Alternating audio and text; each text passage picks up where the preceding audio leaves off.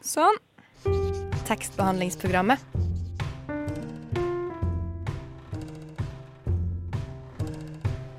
Tekstbehandling på radio.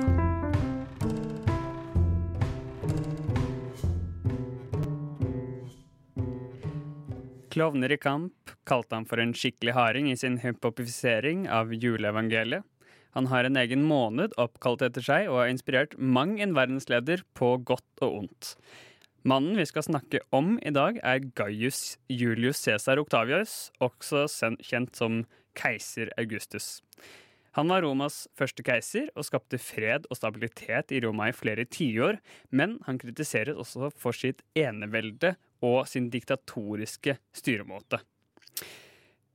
Den vi skal snakke med uh, om Augustus i dag, er Hilde Brendefor Andreassen. Hun har oversatt eh, teksten 'Den guddommelige Augustus bragder' fra latin til norsk, og utgitt verket under Gyldendals kanonserie. Og eh, det blir litt av en eh, heftig sending. Jeg heter Torolf, og Brage Bungum Galles, du er med meg i studio i dag. Ja, det stemmer. Jeg var litt tidlig ute der, gitt. Ja, det var du, men det, det er helt i orden, det. Vi er jo super, super oppe å kjøre for denne sendinga. Det blir jo Vi er jo begge historiefans, er vi ikke det? Jo, veldig.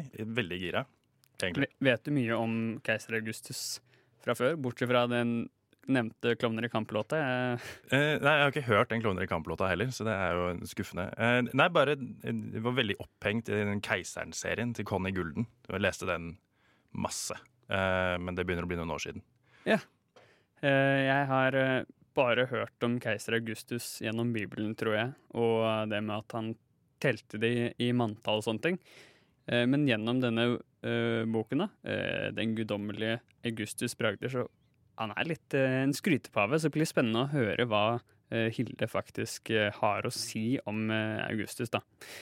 Men vi må jo ha en liten anbefaling fra deg i dag, Ja, Brage, ja, før vi går videre. Meg, jeg gruet meg veldig til den anbefalingen, for jeg tror ikke jeg har noen. Eh, oh, ja. Hvert fall ikke noe litterært. Men jeg, jeg tror kanskje mm, at min anbefaling er at man bør sykle mer. Jeg har begynt å sykle masse i det siste. Eh, det er utrolig slitsomt, men folk bør gjøre det mer.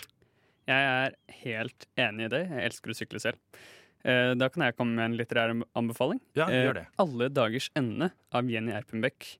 Eh, Det er en utrolig sterk roman om eh, jøders eh, etterfølelse under annen verdenskrig, eh, og den er eh, bygget opp på en helt fantastisk måte. Så den er kort. Gå ut og les den. Den er veldig bra. Nå eh, skal vi faktisk høre et innslag av en av våre eh, ferskeste tekstbehandlere, nemlig Alva Kjensli. Og hun skal gi oss en litt uhyggelig anbefaling.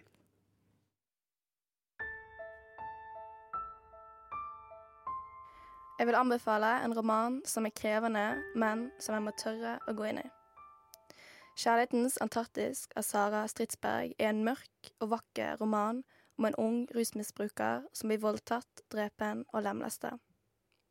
Historien blir fortalt fra den unge kvinna sitt perspektiv før og etter dødsøyeblikket, der hun betrakter det levende på jorda i en slags limbo mellom liv og død.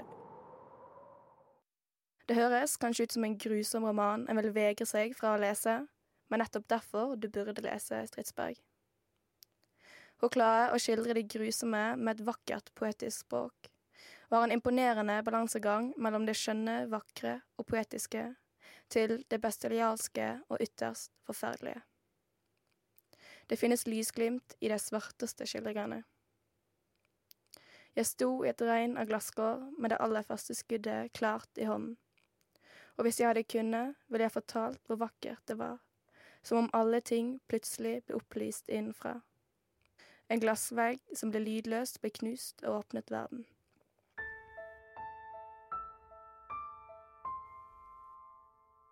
Stridsberg skildrer en verd og en stemme som blir altfor lite skildra i samtidslitteraturen og samfunnet. Og hvis den blir skildra, er det som en bihistorie for andre fortellinger. Krimlitteraturen bruker den lemlesta kvinnen som et utgangspunkt for å fortelle den mannlige morderen sin historie. Stridsberg sin roman er en motverk mot dette. Det er offeret sin stemme som er i hovedfokus. Se på meg, hvis dere er så interessert i døde kvinner, se på meg. Og denne stemme blir tydelig fordi dødsøyeblikket blir repetert om og om igjen. Romanen gir en stemme til det usynlige, de protesterte mennesker en bevisst unngår å legge merke til i det hverdagslige livet. Jeg var allerede død, det hadde jeg vært lenge. Som et begravelsesfølge vandret vi gjennom Stockholm, jeg og vennene mine.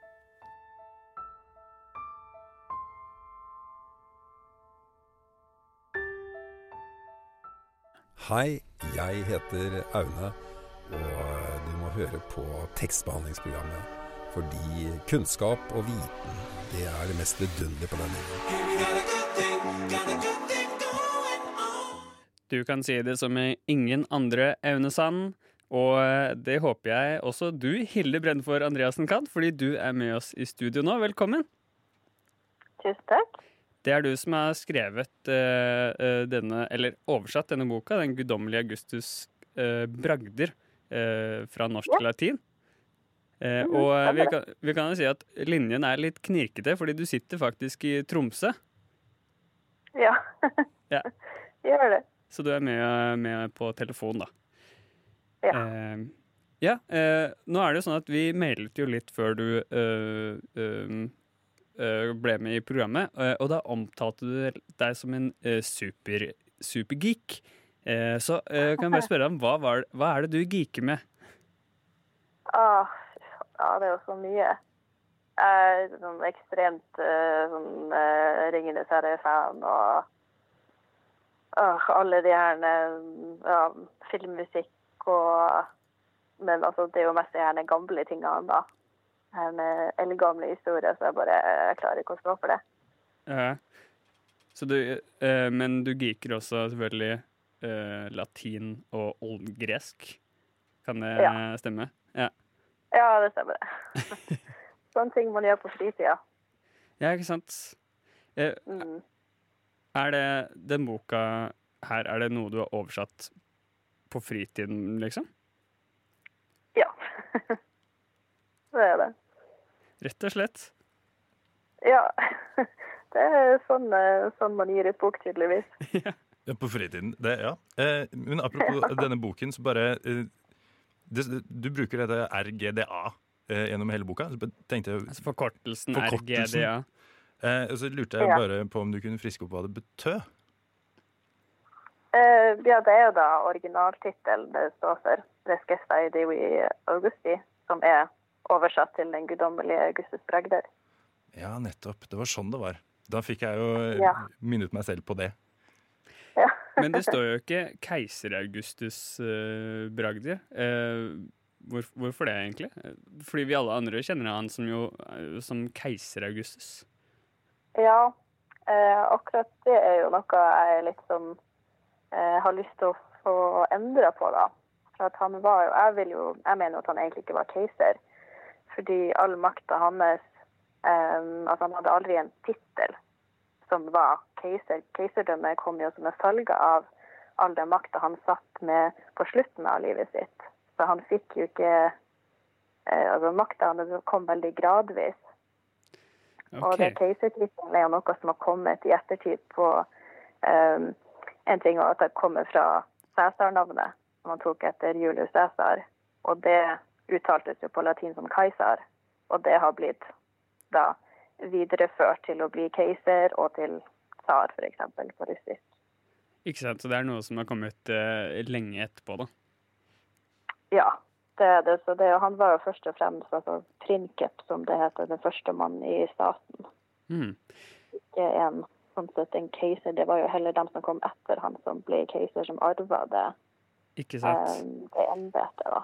Men eh, nå tenker jeg at vi har blitt godt litt eh, innført i eh, keiser Augustus. Nå tenker jeg vi kanskje vi skal eh, bli litt kjent med deg òg. det er på tide med fem eh, faste. Fem faste. Fem faste igjen på rykende fart. Ja, hva leser du nå? Hva leser du nå? Hilde, er du med? Å ja. ja. ja. Jeg ser fortsatt på. Eh, hva jeg leser nå? Ja. Eh, det er siste boka i en serie av Sarah J. Maas. OK. Og hvilken font skriver du selv i? Font? Å, herregud, hva den heter Eh, det er den der som ikke er Times New Roman, men den, Den andre. manuskripten. Garamon. Eh, Kal Kalibri, er det den heter? Ja. Um, Ja. Hvor skriver du? Og ved bordet. Bare hjemmebordet? Stuebordet? Ja. Ja. God plass, det. Og hva er din favorittbok som barn? Og Ringenes herre. Mm. Og hvis du ikke var eh, forfatter eller oversetter, hva hadde du vært da? Eh, eh, forsker. Ja. Det er en god, en god substitutt, det. Ja. Ja, nå tror jeg vi skal uh, høre litt musikk her i uh, tekstbehandlingsprogrammet. Uh, og det er en uh, sang som du har valgt ut, og det er Peter Combe med 'Caesars Decree Song'. Eh, hvorfor valgte du akkurat den? Jeg prøvde å finne noen sanger som passa litt til eh, boka, og det her var egentlig den eneste sangen jeg fant. Og så bare syns jeg den er så sykt catchy. Så første gang jeg hørte på den, så bare gikk den på repeat i hodet mitt. Den er bare så sykt random. Er du hypp på å lese en bok, eller? Vi har med oss uh, Hilde Brendefor Andreassen fortsatt, vi i Brage. Det har vi. Og uh, du sitter fortsatt i Tromsø. Ja. Ja. Nå eh, skal vi snakke litt om eh, selve eh, personen eh, Augustus. Og eh, det er jo sånn at du har nok jobbet med denne boka, Den guddommelige Augustus Bragder, ganske lenge. Så føler du at du har blitt godt kjent med Augustus som person gjennom jobben med boka? ja, det vil jeg jo si. Jeg har jo studert den ganske inngående for å finne ut ting, så ja. Ja. Kjenner litt til om.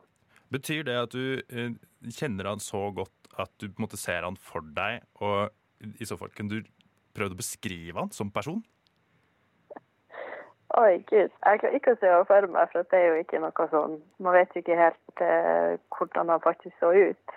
Denne statuen av folk fra antikken stemte som regel ikke helt. Det var vel gjerne sånn eh, en fin versjon av dem, da, litt idealisert bilde. Vi tok ikke med kvisene og sånn, for å si det sånn. Nei. Så Nei, og så blir du kanskje fremstilt litt eh, yngre enn du egentlig var, og litt sterkere, og ja. Litt sånn. Men eh, som person så regna han med at han var altså bare jævlig intelligent, rett og slett. Eh, ganske hensynsløs og samtidig veldig hengiven mot familien sin. Litt sånn uh, Skal vi si dagens toppsjef skråstrek psykopat, kanskje?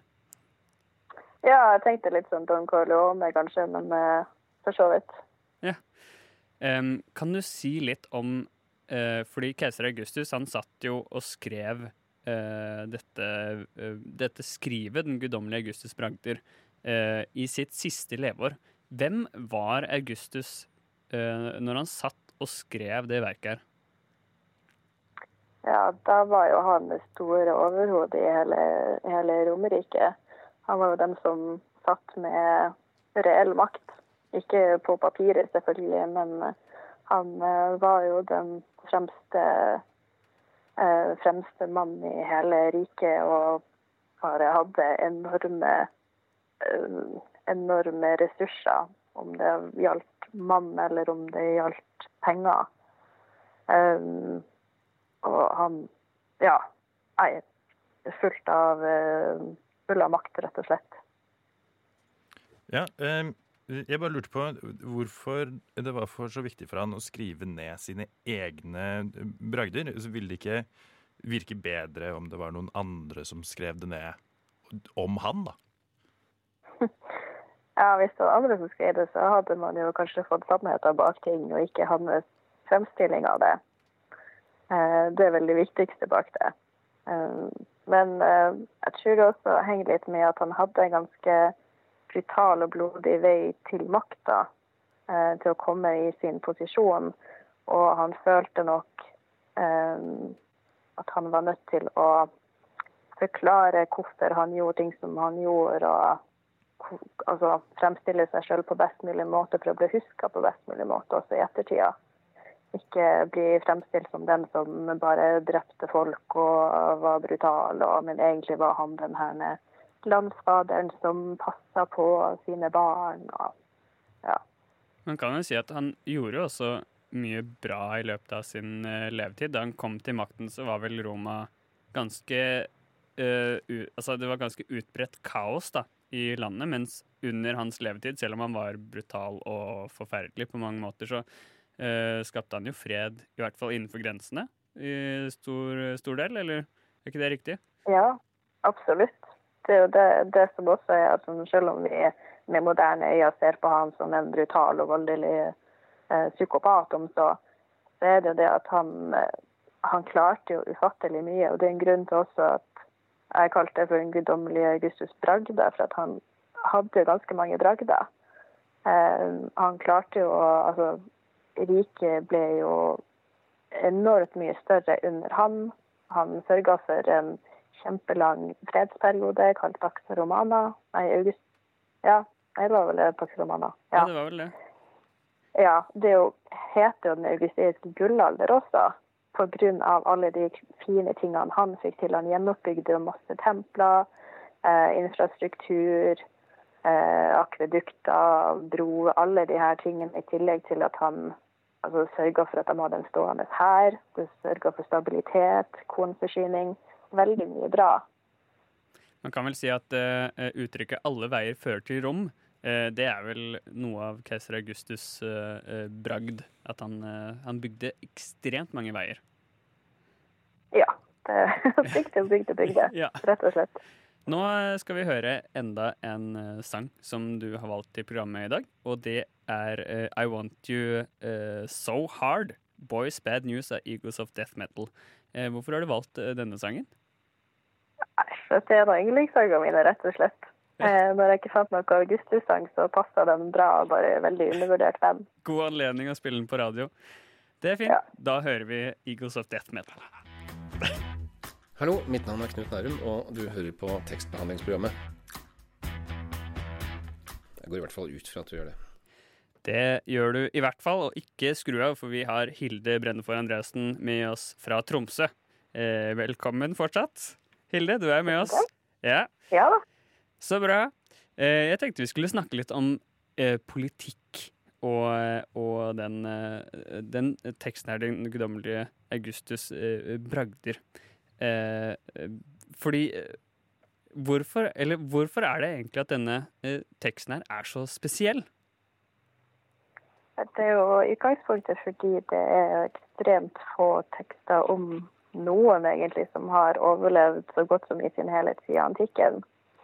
De fleste tekster blir jo eh, har blitt eh, kopiert opp eh, flere ganger gjennom historien, gjerne som munker eller andre som var skrivekyndige, og sånn har de blitt bevart. Og sånn har det også blitt litt skrivefeiler her og der, og man har mista deler av en side og sånn. Mens den her er jo bevart for at den er rissa inn, hugget inn i stein.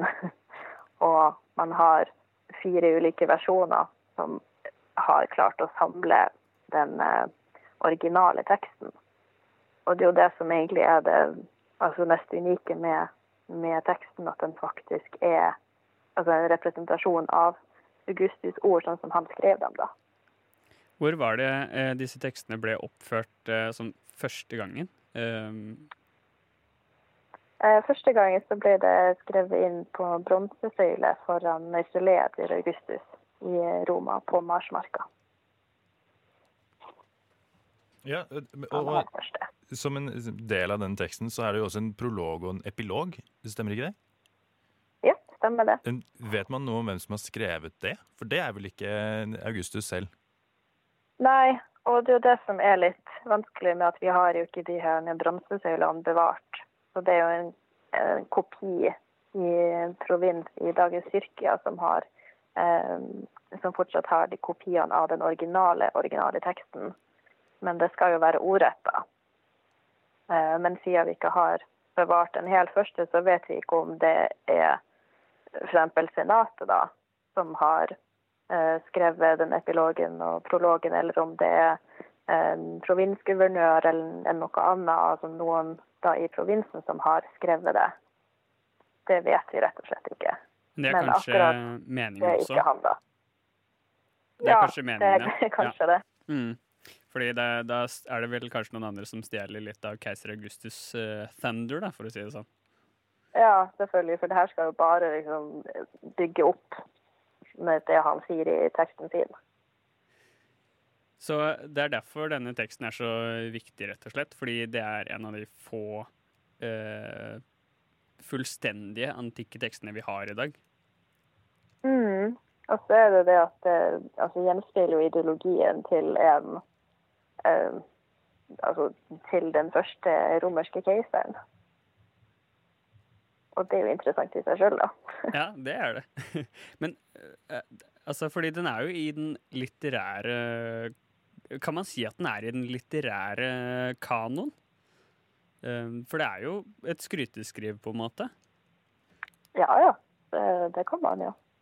Ok, Jeg må bare bryte inn med et kjapt spørsmål. for det, Hva betyr kanon? Å, herregud. Ja, det er jo den der eh, Ja, det med skrift og faen, jeg husker ikke. Det er vel eh, tekster som av allmennheten på en måte har blitt hevet fram uh, som ekstra, ekstra gode, da. Uh, for eksempel Bibelen er kanon, men, men også masse Virginia Woolf og, og store verk som, som, som litteraturforskerne anerkjenner som gode, på en måte. Jeg skjønner. Takk. Mm. Men dette er vel, dette er vel altså sånn litt Bruker den så mye sånn litterære virkemidler og sånn? Uh, Eller er det bare en liste med skryte, skrytepunkter? Nei, det er veldig mye virkemidler i den. Det er derfor den er veldig viktig for altså, politikken og retorikken. Fordi det er jo det som er så vanskelig å gjøre på norsk, da. Som er så lett å gjøre på latin, at du kan leke så mye med språket pga. setningsoppbygginga. Vi er jo ganske fastlåst på norsk. Vi kan ikke endre så mye på ting fordi det er ja, det, har, det blir veldig vanskelig å forstå en setning hvis du endrer på eh, ordrekkefølgen. Men på latin så kan du gjøre egentlig hva faen du vil. Og for å fremheve ting, så kan du jo sette verbet først for å, få, for å ha fokus på det, eller du kan sette eh, en leddsetning bak hovedverbet for å få fokus på det. og det, det er så mye du kan gjøre der, da. Og det er akkurat det han Augustus har gjort. Han har lekt seg veldig mye for å få fokus på spesielle ting, eller for å skjule noen ting, da. Mm. Ja, eh, jeg tror vi skal høre litt mer eh, musikk igjen. Eh, selv om det er eh, utrolig spennende å snakke om, eh, om, om dette her. Men vi skal jo selvfølgelig høre Kaizers Orkestra med Tokyo Ice til Clementine. Clementine. Og dette er også en sang som du har valgt ut, Hilde. Kan du fortelle litt om den?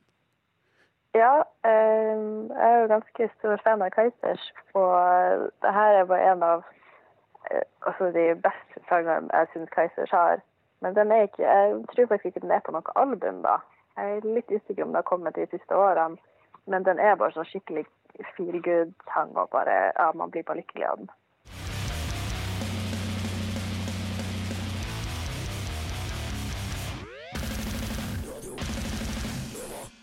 Hold kjeft.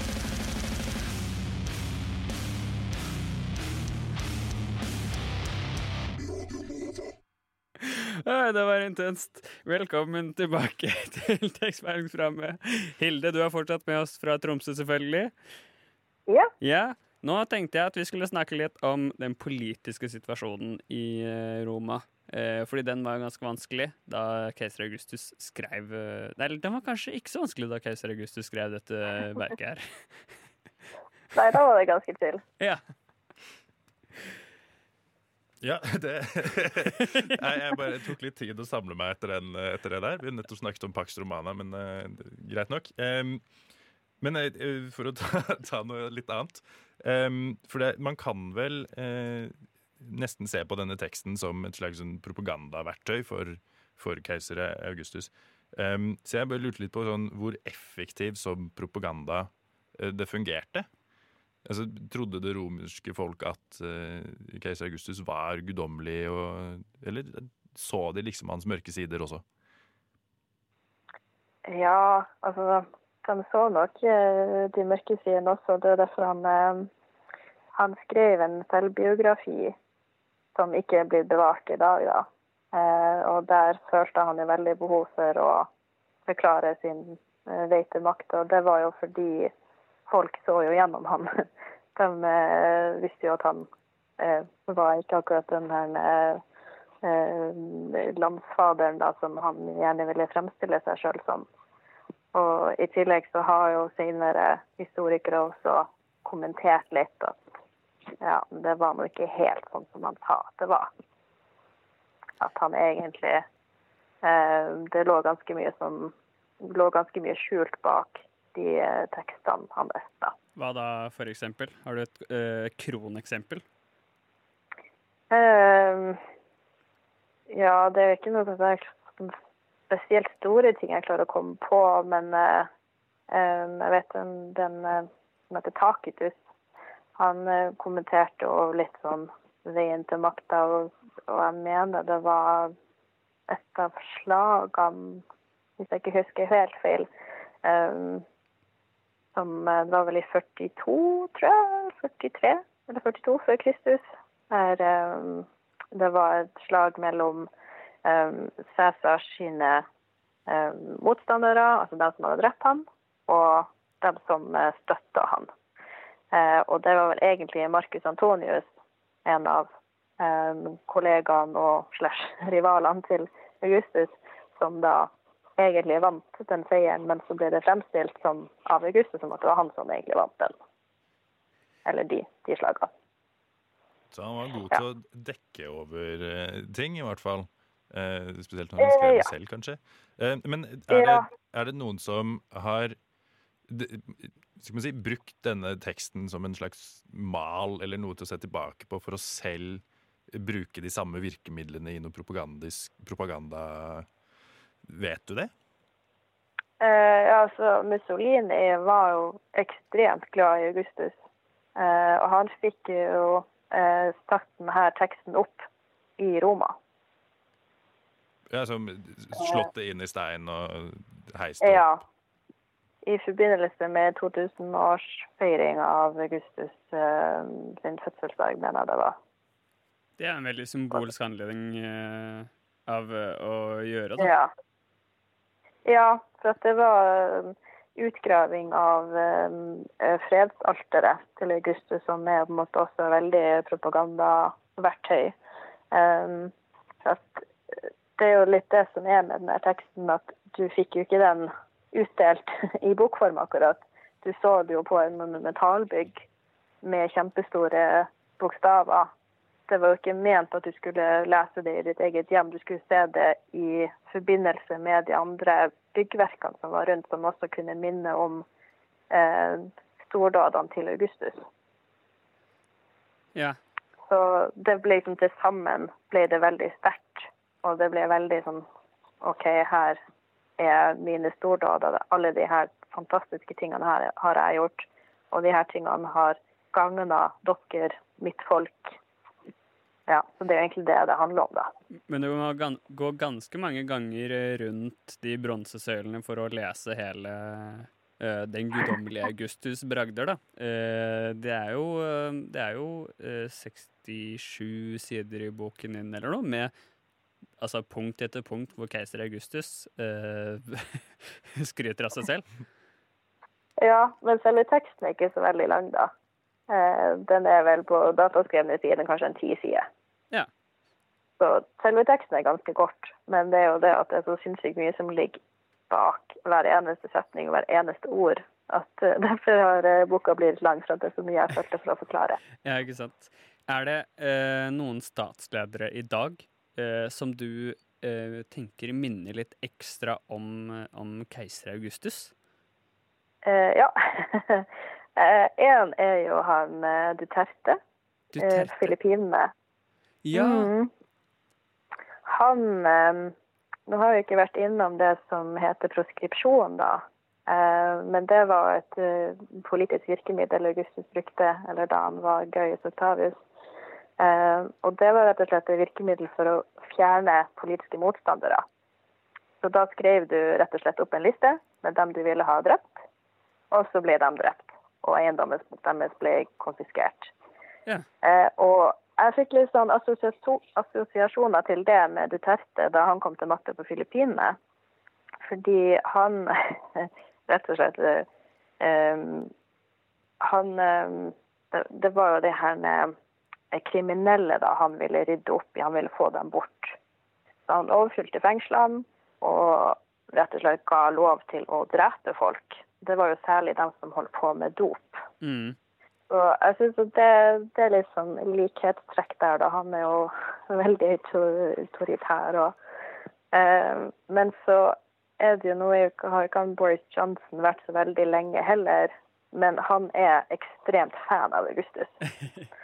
Han Han har til og med skrevet bok liksom om Roma, og han elsker det.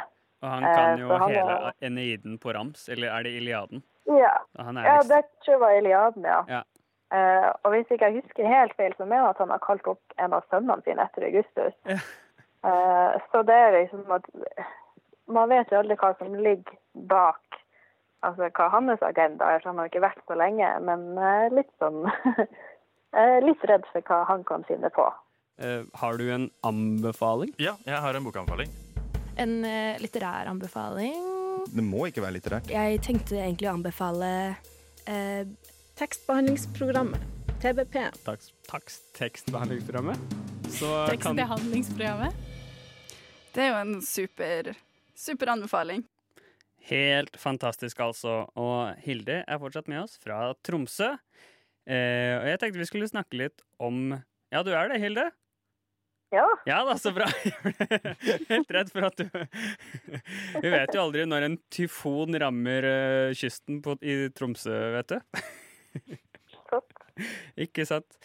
Så jeg tenkte jeg skulle spørre deg, hvor lang tid tok det å oversette den guddommelige Augustus eh, bragder? Du sa jo litt i staten, den er jo bare ti sider, ti maskinskrevne sider, men det er jo et voldsomt fotnotemateriale, eh, som du har vært litt inne på før. Så kan du si litt om det? Ja, eh, selve oversettelsen tok ikke så veldig lang tid, egentlig. Eh, Jeg tror kanskje jeg brukte som to uker, noe sånt. Eh, Men resten tok litt lengre tid. Så har jeg jo vært inne og tweaka litt på oversettelsen ettersom jeg endra på altså skrev inn fotnoten og sånn. Ut fra at jeg har blitt litt mer enig med oversettelsen senere, da.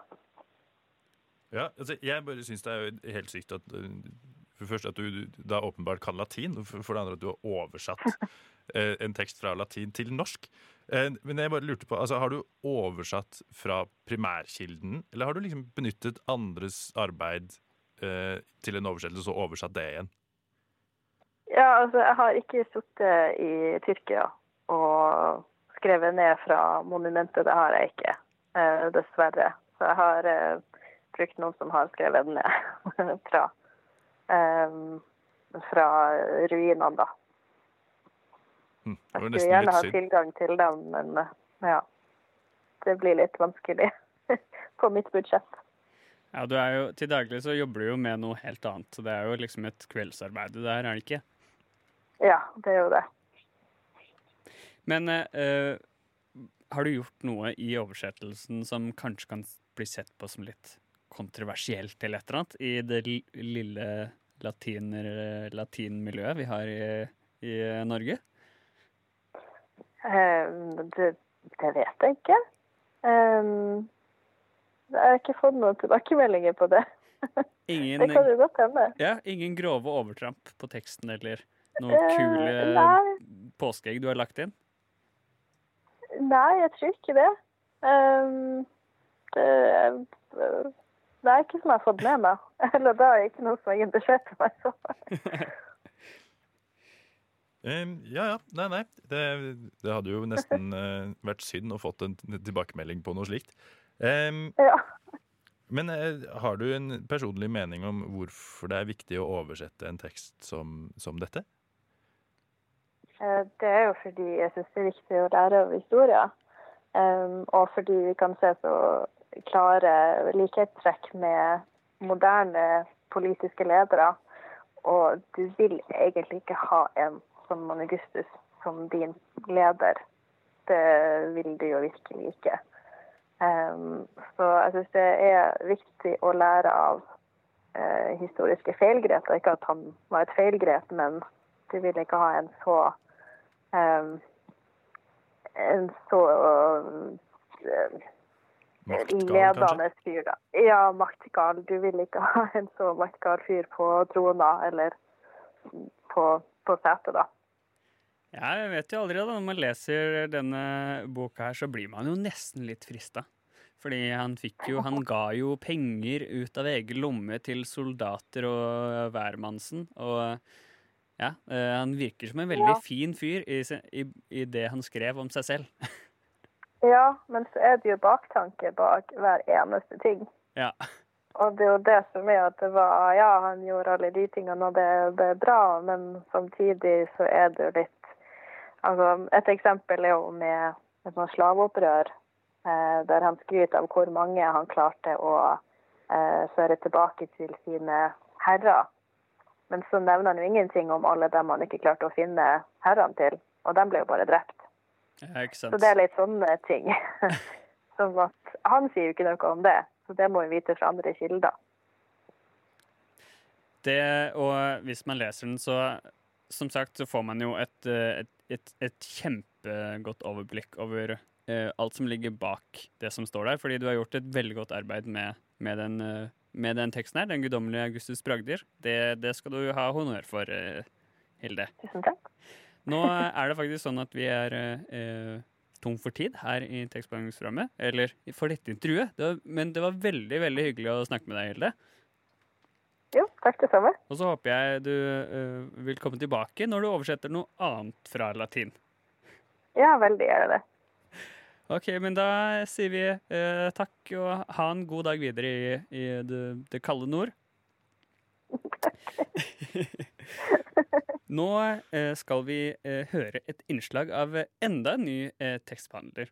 Eh, og nå er det Sara Lene Engesvik sin tur. Hun har prøvd å finne ut av hvorfor litteratur er viktig, eller om det faktisk er viktig i det hele tatt. Vi er mange som mener at litteratur er viktig. Men allikevel kan det være vanskelig å forsvare at man bruker så mye tid på litteratur når det finnes folk der ute som forsker på hjernekreft, hjelper folk i nød, legger ut skarp samfunnskritikk på Instagram eller lager et opplysende program om hvordan jeg kan være med å redde klimaet. Men litteraturen må jo ha noe å komme med, og for å finne ut det må jeg først finne ut av hva litteratur egentlig er. Og hvem er vel bedre egnet til å svare på det enn vinnerne av Nobels litteraturpris? Ifølge Nobelkomiteens statutter er alle nobelprisvinnere forpliktet to give a lecture on a subject connected with the work for which the prize has been awarded. Gi et foredrag om litteratur, med andre ord. Å rekke over alle talene fra 1901 til 2020 krever at jeg får min egen radiokanal. Så jeg må selv leke Svenske Akademien og plukke ut en heldig vinner. I dag faller valget på den polske forfatteren Olga Tokarczuk. Hun vant prisen i 2018 for a narrative imagination that with encyclopedic passion represent the crossing of boundaries as a form of life. Det høres jo lovende ut. Så hva kan en forfatter av Tokarczuks kaliber lære meg om litteratur? Tokarczuk sitt foredrag The Tender Narrator, eller Kjenslig berettere, i den svenske oversettelsen jeg har lest, åpner med en poetisk beskrivelse av et bilde av moren hennes, før hun går i gang med den virkelige agendaen. Og det haster, for det står virkelig ikke bra til med verden i dag, skal vi tro Tokarczuk, og heller ikke med litteraturen. Hun drar tilskuerne med ned i en beskrivelse av en døende verden, en verden hvor vi blir proppet full av motstridende informasjon og fake news, en verden full av TV-serier og underholdning som holder oss i transe, en fremmedgjort virkelighet hvor vi går rundt som zombier. I litteraturens felt har dette sitt uttrykk i bl.a. den evinnelige jeg-fortellingen. Hvor er universaliteten? Hvor er vår tids myte? Og ikke minst, du der som lurer på om det jeg skriver er sant, om det har skjedd i virkeligheten. Hva har skjedd med tilliten til fiksjonen? Det er en krise som drabbet berettelsen om verden. Og man skal være passe avkobla om man ikke kjenner seg igjen når hun forklarer at selv om vi nå har tilgang på mer kunnskap og nyheter enn noen gang, så går vi stadig rundt med en følelse av at det ikke står bra til med verden, En følelse som vi fortsatt ikke klarer å sette helt fingeren på og gjøre noe med. Men hvordan kan litteraturen være en løsning på dette? Jo, det må skrives nye fortellinger om verden. Og skal vi tro Tokarczuk, er litteraturen den av alle former for kommunikasjon som er spesielt egnet til dette. Det vil snart bli klart hvorfor, men først tar Tokarczuk en liten tur innom bildet av sin mor igjen. Moren som pleide å lese fortellinger for henne, bl.a. H.C. Andersens fortelling Tekannen, som handler om en tekannes liv. En gang var hun overbevist om at tekannen levde, men når begynte hun å tvile på at en tekanne kunne ha sitt eget liv? Med en levende tekanne i bakhodet forteller Tokarczuk at hun alltid har vært fascinert av hvordan alt rundt oss virker sammen uten at vi merker det. Hun kommer med et overbevisende eksempel på et nett av hendelser gjennom verdenshistorien, hvor det ene har ført til det andre. Dette er sommerfugleffekten, sier hun, men det er nå snakk om uendelig mengde sommerfugler, som viser at vi alle, mennesker, planter, dyr, tekanner, er en del av det samme rommet. Og det er dette rommet som litteraturen kan fortelle om. Men hvor starter man når man skal skrive denne nye typen fortellinger som rommer hele verden? Tokarczuk har svaret. Hun drømmer om et fjerdepersonsperspektiv som kan se alt og gi en følelse av helhet, litt som fortelleren i Bibelen. Men hvordan klarer man dette? Hvordan klarer hun dette? Det er forfatterens følsomhet som er nøkkelen, den kjenslige berettere. Når hun skriver, må hun kjenne alt inni seg, bli dem hun skriver, føle med dem. Hun sier at det å skrive er å gi liv og eksistens til hver lille del av verden. Når vi dør, skal fortellingene våre leve videre og leses av fremtidens mennesker. Og når mange sikkert vil være enige om at fremtiden nødvendigvis ikke ser så lys ut, så er kanskje litteraturens rolle så prekær som Tokarczuk mener. At litteraturen må til for å holde verden levende. At den må klargjøre for oss at verden ikke er oppdelt og fremmedgjort, at jeget ikke står i sentrum, men at den er en vev av alt, én stor helhet. Takk, Olga, vil jeg rope og sitter igjen med følelsen av at jeg valgte riktig tale for å forsvare viktigheten av litteratur. Jeg kjenner igjen både den verden og den litteraturen som hun beskriver som typisk for tiden. Og jeg vil mye heller lese og leve den nye typen fortelling som hun så overbevisende taler for. Men jeg må allikevel spørre, hvordan skjer dette i praksis? Skal alle skrive mytelignende historier fra et følsomt fjerdepersonsperspektiv? Og hva med de andre vinnerne av Nobels litteraturpris? Skriver de sånn? Er de enige i dette? Og selv om Olga Tokarczuk sikkert er mer klar over dette enn meg, når det står så ille til her i verden, er det ikke synd at talen holdes for en litteraturelite som etter å ha hørt henne snakke, kanskje bare klapper seg selv på skulderen for å være del av en så utrolig viktig bransje? Samtidig skal man heller følge Tokarczuks logikk er det kanskje for mye å be om. Hun er jo bare en av mange sommerfugler som flyr i riktig retning. Hvis du vil lese hele talen på engelsk eller svensk, eller se den fremført av Olga på polsk, finnes den på Nobelprisens egen hjemmeside, nobelprice.org. Og det var alt vi rakk i tekstbehandlingsprogrammet i dag. Eh, men hvis du ikke har fått, har fått, nok av oss, hva kan du gjøre da, Brage? Jo, da kan man gå inn på eh, den appen du bruker for å høre på podkast. Så kan du søke opp tekstbehandlingsprogrammet. Så kan du høre deg gjennom alt vi noen gang har produsert. Nesten. Nesten. Og så kan du selvfølgelig gå inn på Facebook, følge oss der. Vi er på Instagram, eh, on the gram. Så on gjør det. Eh, og hvis ikke, så eh, får du bare ha en deilig dag videre. Takk for oss tekstbehandlingsprogrammet.